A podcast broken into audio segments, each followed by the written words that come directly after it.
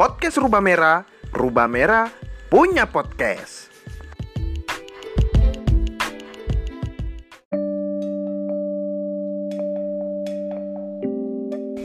Yuk, Wis. wis. Halo pendengar, eh, saya akan kembali lagi tapi membacakan dari bukunya Leila Eskudori Malam Terakhir yang diterbitkan oleh KPG. Eh, Leila Eskudori ini seorang sastrawan, penulis, redaktur, kelahiran Jakarta 12 Desember 1962. Eh, Leila bercerita tentang kejujuran, keyakinan, tekad, prinsip, dan pengorbanan. Begitulah Laila Eskudori menceritakan melalui cerpennya. Cerpen-cerpennya tidak ragu menceritakan hal yang tabu bagi masyarakat tradisional. Ah, gaya kepenulisannya yang puitis tidak melepaskan kesan intelektual.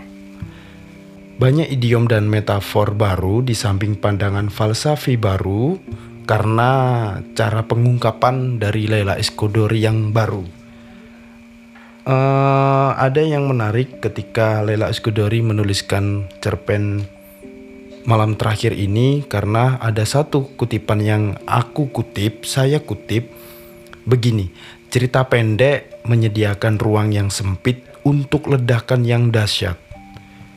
Cerpen sama sekali tidak memberi izin penulisnya ngoceh, ngalor ngidul, atau seenaknya menghabiskan huruf, kata, dan kertas untuk memamerkan kekesanan kosakata yang beragam.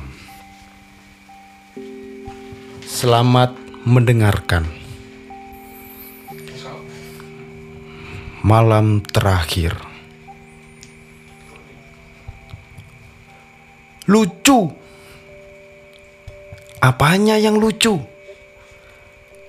Tanya kawannya yang berkacamata dengan nada bosan. Seperti ingin sekedar mengisi udara yang kosong dengan bacotnya. Ia menelungkup karena bokongnya yang penuh bilur-bilur itu tak mampu menyanggah tubuhnya lagi. Keringat asin bercampur bau anyir darah yang mulai mengering masih tersisa di ujung penciumannya. Si kurus tertawa kecil sambil mengurut-ngurut kepalanya yang berpuluh-puluh kali dijedukkan ke pintu besi oleh penjaga penjara. Di novel-novel dan film-film kreasi seniman romantis itu, segalanya begitu indah dan mengharukan. Sebelum eksekusi, seorang pastor akan datang dan menanyakan permintaan terakhir. Seorang kekasih akan menangis terisak-isak, atau seorang ibu tua tertati-tati menggedor pintu penjara sambil berteriak, "Lepaskan! Lepaskan! Anakku tak bersalah! Lepaskan!" Si kurus memukul-mukul tembok yang dianggap sebagai terali penjara. Kedua kawannya tertawa, terkekeh-kekeh. Gigi mereka yang putih berkilat memberi penerangan di dalam ruangan yang gelap itu. Salah seorang dari mereka yang bertubuh gemuk dengan susah payah berdiri dan mengatup kedua tangannya. Kelopak matanya yang sebelah kiri terkatup. Di sana sini tersembul darah kering. Dengan wajah bersungguh-sungguh, ia menatap kedua kawannya. Anakku, sebelum kalian meninggalkan dunia, apa yang kalian inginkan? Tuhan menyertai kalian. Lalu ia merentangkan kedua tangannya di atas kepala kedua kawannya yang berusaha menahan senyum. Ya, Bapak, jawab si kacamata dengan suara gemetar. Apakah sebuah permintaan yang bersifat duniawi masih akan dikabulkan olehnya? Itu tergantung apakah wilayah permintaan itu sesuai dengan kebutuhan sebagai manusia, anakku. Jawab si gendut dengan suara berat. Kalau begitu ya, sambut si kacamata sambil berlutut dan menengada. Bibirnya menganga, dari ujung-ujungnya tersembul air liur bercampur darah kering. Karena jiwaku akan terbang ke sampingnya besok pagi, sudikah kiranya aku diberi suatu yang dapat mengelus-elus ragaku? Apa gerangan permintaanmu, anakku? Anu, hmm, bapak, uh, uh, si kacamata melirik pada si kurus yang menahan tawanya dengan susah payah. My child, what is your last wish? Si gemuk mengelus kepala si kacamata. Bapak, saya ingin merasakan orgasme. Sialan. Si gemuk meninju bahu si kacamata. Si kurus pun tertawa terbahak-bahak. Mendadak, ruangan yang gelap dan selama beberapa hari terakhir berisi bau anjir darah itu kini penuh dengan ledakan tawa ketiga aktivis. Mereka tertawa begitu keras sampai akhirnya terdiam karena capek. Sebetulnya kau melupakan sesuatu. Kata si gemuk tiba-tiba teringat sesuatu. Apa? Tanya si kurus, tiba-tiba teringat batok kepalanya yang sakit dan mulai memijit-mijitnya kembali. Bukankah sipir itu pernah mengatakan, begitu lehermu dicekik tali dan kursi ditendang, begitu pula akan terjadi. Si gemuk sengaja menghentikan kalimatnya. Apa? Si kurus menekan. Ereksi dan ruang itu kembali penuh dengan riuh rendah bercampur bau anyir darah kering yang keluar dan mata kiri segemuk dan bokong si kacamata. Papa, I don't understand. Apa dear? Gadis berusia 22 tahun berkulit kuning langsat dan berambut ikal membolak-balikan koran sore sambil menggengerut keningnya. Kakinya yang mulus, tanpa cacat, sedang digosoki minyak zaitun oleh pembantunya yang duduk ngedeprok di sampingnya. Ibunya yang sedang mengecat kuku jari melirik, memperhatikan wajah anaknya dengan wajah khawatir. Anak gadisnya yang cantik itu selalu banyak pertanyaan. Itu ongkos menyekolahkan anak ke universitas yang melatih mereka berpikir kritis.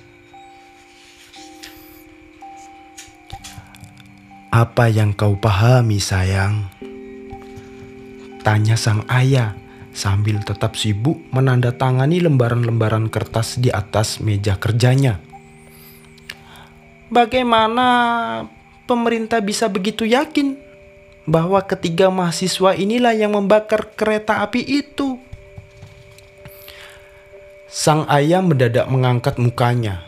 Dia mengamati wajah anaknya. Karena banyak bukti, sayang. Misalnya, ya banyak. Ayahnya menggumam. Loh, tapi di koran tidak disebutkan apa-apa. Di radio apalagi? Kalian hanya sibuk mengucapkan terima kasih ratusan kali pada para tentara yang konon telah berhasil membasmi kerusuhan. Tapi, Papa, apa bukti tuduhan yang kalian lontarkan pada para mahasiswa ini? Kalau memang ada bukti, Papa pasti mengetahuinya. Nak, nak, kenapa kamu jadi cerewet begini? Selah ibunya dengan nada tak senang. Papa harus menandatangani banyak dokumen. Jangan bikin pusing. Gadis itu mengatup mulutnya dengan dongkol. Dia melipat kakinya dan sambil mengibaskan tangannya, ia mengusir pembantunya. Tiba-tiba matanya terbelalak dan ia memekik. Apalagi, ternyata seorang mahasiswi juga ditangkap dan akan dieksekusi. Papa, ada apa? Papa? Karena ia juga bersalah, sayang. Ayahnya mengangkat map kerjanya dan duduk di samping anaknya. Itu juga ada buktinya. But I imagine if I were her. Pekik gadis itu dengan suara sedih. No, no. Buah hatiku, kau tak akan melakukan hal-hal yang bodoh seperti mereka. Kau belajar baik-baik, makan dan tidur yang cukup, dan hormati serta camkan baik-baik nasihat para sesepuh biar bagaimana mereka telah mengenyam dan merasakan kesulitan hidup ini. Mereka yang membangun negara yang besar ini, anak-anak muda sering lekas terpaku dengan segala sesuatu baru dan berbau petualangan. No, my dear, kau akan lebih perhitungan dan strategis daripada anak-anak muda ini. Tapi, Papa, ini persoalan kehidupan. Gadis itu merintih. Lihatlah, mahasiswa ini juga seusiaku. Masih begitu banyak yang terbentang di mukanya. Papa, kalau memang kalian menganggap mereka salah jalan, kenapa harus berakhir dengan Ibunya menggelengkan kepala. Ayolah, Tempat tidurmu sudah dilicinkan. Hari sudah larut.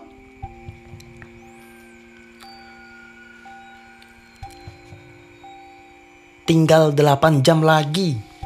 Si kurus mengira-ngira sambil menatap langit-langit. Bagaimana kau tahu?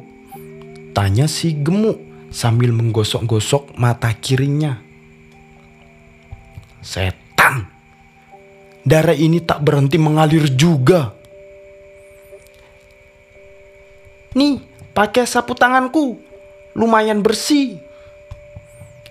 Si kacamata menyodorkan segumpal kain yang sangat lusuh dan kumal. Gila!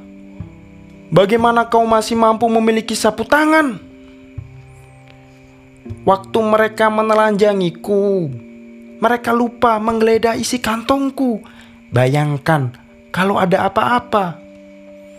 Kadang-kadang mereka bisa pikun juga karena terlalu mabuk oleh bau darah. Ketiganya terdiam. Sehamparan layar besar terbentang di muka mereka. Dan tiba-tiba terdengar letusan-letusan yang beruntun memporak-porandakan isi lapangan Semuanya yang berseragam abu-abu berubah seperti kawanan serigala yang berhari-hari diikat lehernya dan mendadak dilepas oleh tuannya untuk mengunyah mangsanya. Tembak! Tembak! Tembak saja aku! Teriak si kurus histeris. Kenapa diam? Tembak! Tembak saja! Kedua kawannya saling memandang dan segera mengguncang-guncangkan bahu si kurus ditepuk-tepuknya pipi kawan mereka yang tenggelam dalam pembantaian mahasiswa yang baru saja terjadi lima hari sebelum mereka dijebloskan ke dalam ruang gelap itu. Si kurus memejamkan matanya sambil terus-menerus berteriak. Kaki dan tangannya mengejang dan urat lehernya tersembul keluar. Hanya beberapa detik kemudian terdengar bentakan dari luar yang menyuruhnya diam. Tapi si kurus malah semakin blingsatan. ia naik ke atas satu-satunya dipan di ruangan itu dan berpidato. Kawan-kawan! Ia bercekak pinggang sementara air matanya mulai mengalir. Inilah contoh demokratisasi yang mereka teriakan ke seluruh dunia. Inilah implementasi dari pembaruan yang sebenarnya tidak pernah baru. Inilah repetisi sejarah di mana kita hanyalah ribuan ulat kecil yang menggelepar mampus di lindas sepatu mereka. Suara si kurus makin keras dan serak. Kedua kawannya memandangnya dengan rasa takjub dan tak berdaya. Lihat! Katanya sambil menunjuk. Si gemuk dan si kacamata memandang arah yang ditunjuk si kurus dan seolah-olah mereka melihat gambaran berdarah yang terjadi hanya beberapa hari yang lalu. Di sebuah lapangan besar dipenuhi para mahasiswa, aktivis, dan para dosen yang menentang pemerintah mereka melihat satu demi satu tubuh kawan-kawan mereka tumbang. Entah bagaimana, mereka juga ingat bagaimana mereka yang berseragam kelabu itu dengan semangat menakutkan seperti menggotong kuas besar dan mengecat seluruh lapangan yang putih itu dengan darah merah. Dengan wajah bergairah dan mata berkilat mereka tak henti-hentinya menumpahkan darah dari tubuh para mahasiswa dan menikmati tubuh lapangan yang lebih menarik setelah dipoles warna merah darah. Ulat-ulat kecil! Isak si kurus tiba-tiba. Akan hancur diinjak sepatu bergerigi itu. Tapi ulat kecil itu akan akrab dekapan dengan tanah. Dan mereka akan menyuburkan bumi ini dengan udara kebenaran. Hei bangsat, diam! Pintu besi itu ditendang sekuat tenaga oleh penjaga dari luar. Si gemuk dan si kacamata saling melirik. Buru-buru mereka mendekap si kurus yang berlutut yang wajahnya basah oleh air mata. Kau mau ikut menyaksikan pertunjukan kesenian itu, sayang? Anak gadis itu memandang ayahnya. Ia sudah berganti pakaian tidur dan siap menelentang di atas tempat tidurnya yang terspray licin. Pertunjukan kesenian apa, Papa? Ah, pasti kamu sudah lupa lagi. Di lapangan besok, kau akan menyaksikan pertunjukan seni akbar. Persis seperti melihat mamamu menggantung ikan asin di dapur.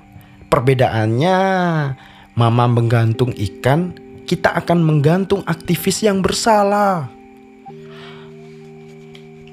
Persamaannya setelah beberapa hari seluruh lapangan akan penuh dengan bau anyir. Ayahnya tersenyum. Gadis itu tercengang. Papa, aku tak mengerti. Tidakkah kalian jeri melihat seluruh dunia sudah jijik terhadap terjadi di sini? Ah, itu drama khas barat.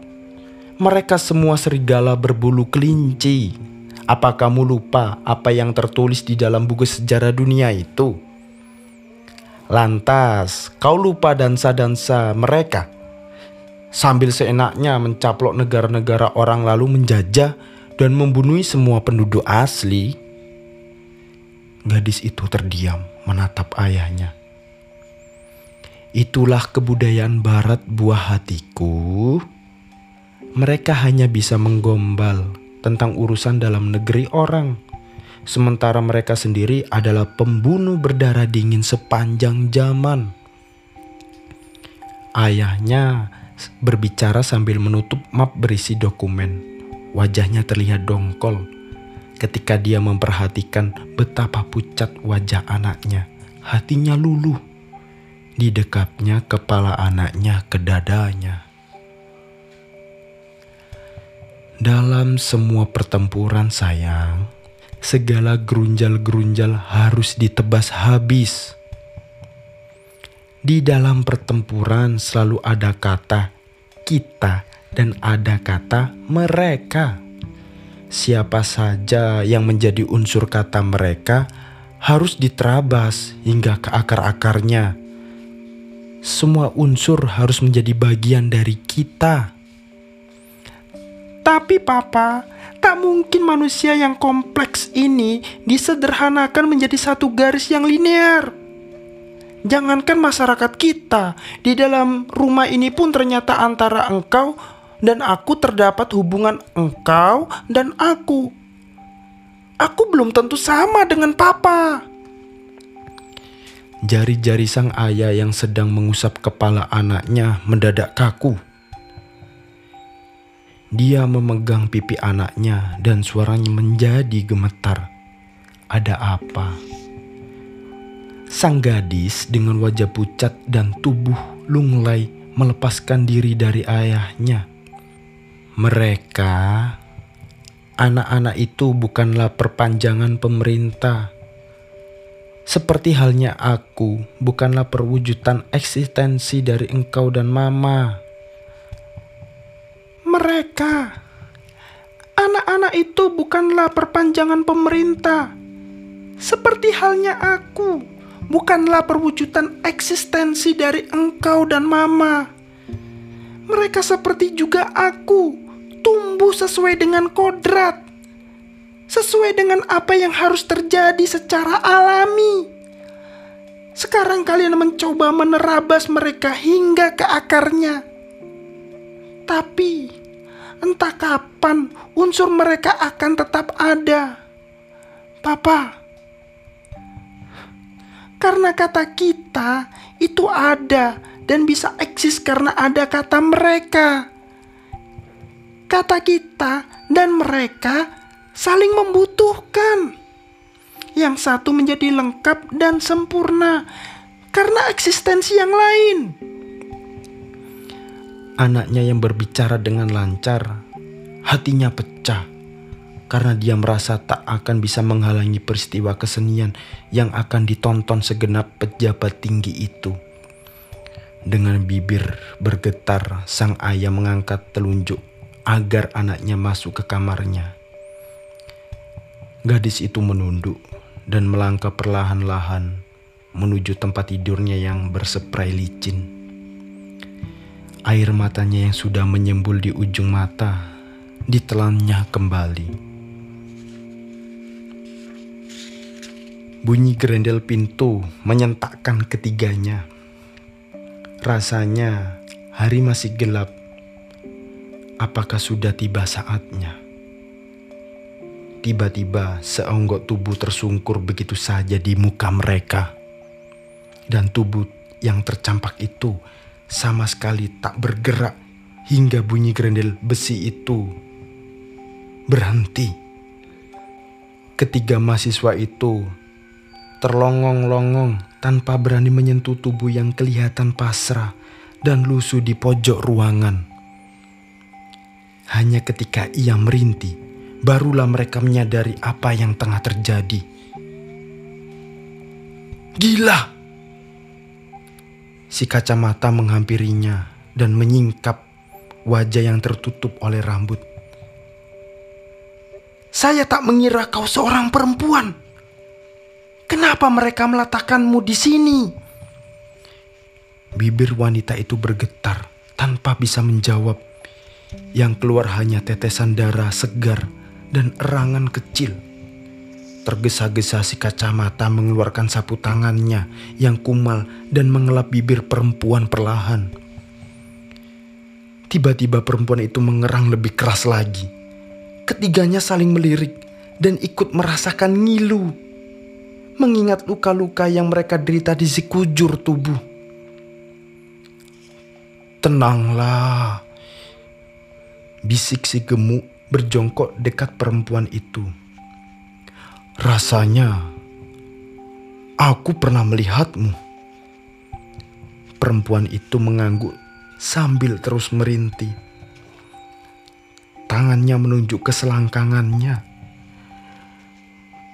Mata si gemuk dan si kacamata mengikuti arah telunjuk itu dan menjerit ngeri. Rok perempuan itu basah kuyup oleh darah. Biadab! Desis si kurus. Apakah mereka melakukannya beramai-ramai? Kelopak mata perempuan itu terbuka dan ia menggeleng. Mereka tidak memperkosaku. Ketiga kepala itu saling berpandangan. Perempuan itu meringkuk kedinginan. Si kurus membuka kemejanya dan menyelimuti tubuh perempuan itu. Tapi mereka masih bisa melihat kemeja si kurus ikut bergetar karena tubuh perempuan yang bersimbah darah campur keringat itu gemetar. Apa yang mereka lakukan hingga kau begini? Tanya si kacamata pelan-pelan sambil mengusap kepala perempuan itu. Kapan kita akan mati? Bisik perempuan itu. Sabarlah. Selangang, selangkanganku luar biasa nyeri. Si gemuk mengelap darah yang mengalir ke betis perempuan itu. Meskipun tak ada gunanya, karena toh hampir seluruh kakinya sudah basah kuyup oleh darah. Ada dua ekor tikus besar. Kata si perempuan terbata-bata. Mereka mengatakan tikus itu sudah lama dilatih untuk merasa lapar dan menikmati daging. Si gemuk berhenti mengelap. Dadanya berdebar-debar. Si kurus dan si kacamata menganga. Pada malam interogasi, mereka mengancamku dengan berbagai cara agar aku mengakui skenario yang mereka persiapkan. Aktivis perempuan itu perlahan mencoba duduk meski badannya masih terus bergetar. Si kacamata menggosok-gosok kacamatanya dengan jari-jarinya. Dia ikut gemetar membayangkan apa yang terjadi pada perempuan ini.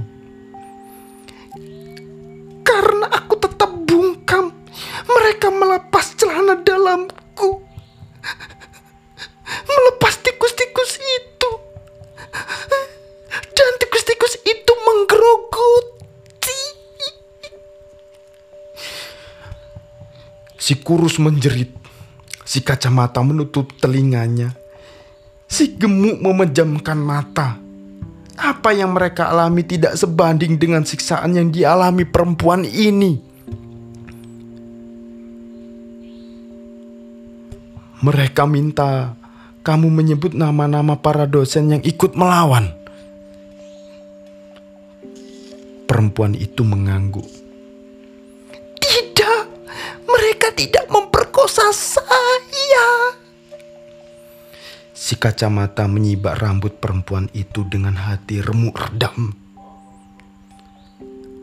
Aku ingat engkau ikut mengorganisir di barisan belakang dengan poster-poster itu. Si kurus berdiri dan menghadap tembok. Kepalaku diadu puluhan kali ke pintu besi hingga pecah rasanya otakku. Dia Katanya sambil menunjuk si kacamata. Dicambuk ratusan kali dan kawan kita. Si kurus menunjuk si gemuk. Tak memiliki biji mata kiri lagi. Tapi apa yang mereka lakukan padamu sungguh binatang. Ruang itu sunyi dari bunyi. Ruang itu sunyi dari bunyi, namun penuh sesak oleh bau darah. Si gemuk kembali mengalap darah yang mengalir ke kaki sang perempuan. Sabarlah, sakit dan perimu akan hilang besok. Ketiganya saling berpandangan. Hanya tinggal beberapa jam lagi. Demikian si gemuk menambahkan. Pukul 6 pagi, terang tanah, gadis itu masih berdiri di muka jendela. Dia menatap ujung-ujung matahari yang malu-malu menampakkan dirinya. Ia mendengar suara pembantu dan tukang kebunnya yang mondar-mandir memulai kesibukan dini hari. Dan dia mulai mendengar suara ibunya yang memerintah untuk menyiapkan sarapan. Hanya beberapa menit kemudian terdengar langkah ayahnya keluar dari kamarnya. Gadis itu menjentikkan jari-jarinya yang lentik. Suara-suara itu adalah suara-suara yang didengarnya setiap pagi.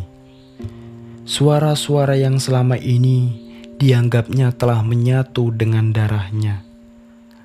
Tapi kenapa baru kini ia merasa suara-suara itu seperti segumpal gabus yang mengambang di samudra darahnya. Sayang, terdengar ketukan di pintu. Bangun. Gadis itu menghela napas.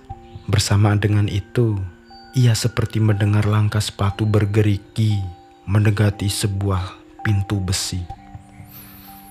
Bunyi gerendel pintu dibuka, mengisi pagi yang kosong dengan berisiknya gesekan gembok dan kunci. Dengan wajah pucat dan letih, gadis itu melihat cahaya matahari menerpa wajah keempat mahasiswa yang penuh bercak darah kering. Sayang, ayo mandi. Terdengar Ayahnya mengetuk pintu. Pertunjukan itu dimulai jam 8. Cepatlah sayang, nanti kita terlambat. Jakarta, 26 Juni 1989. Laila Eskudori dalam buku Malam Terakhir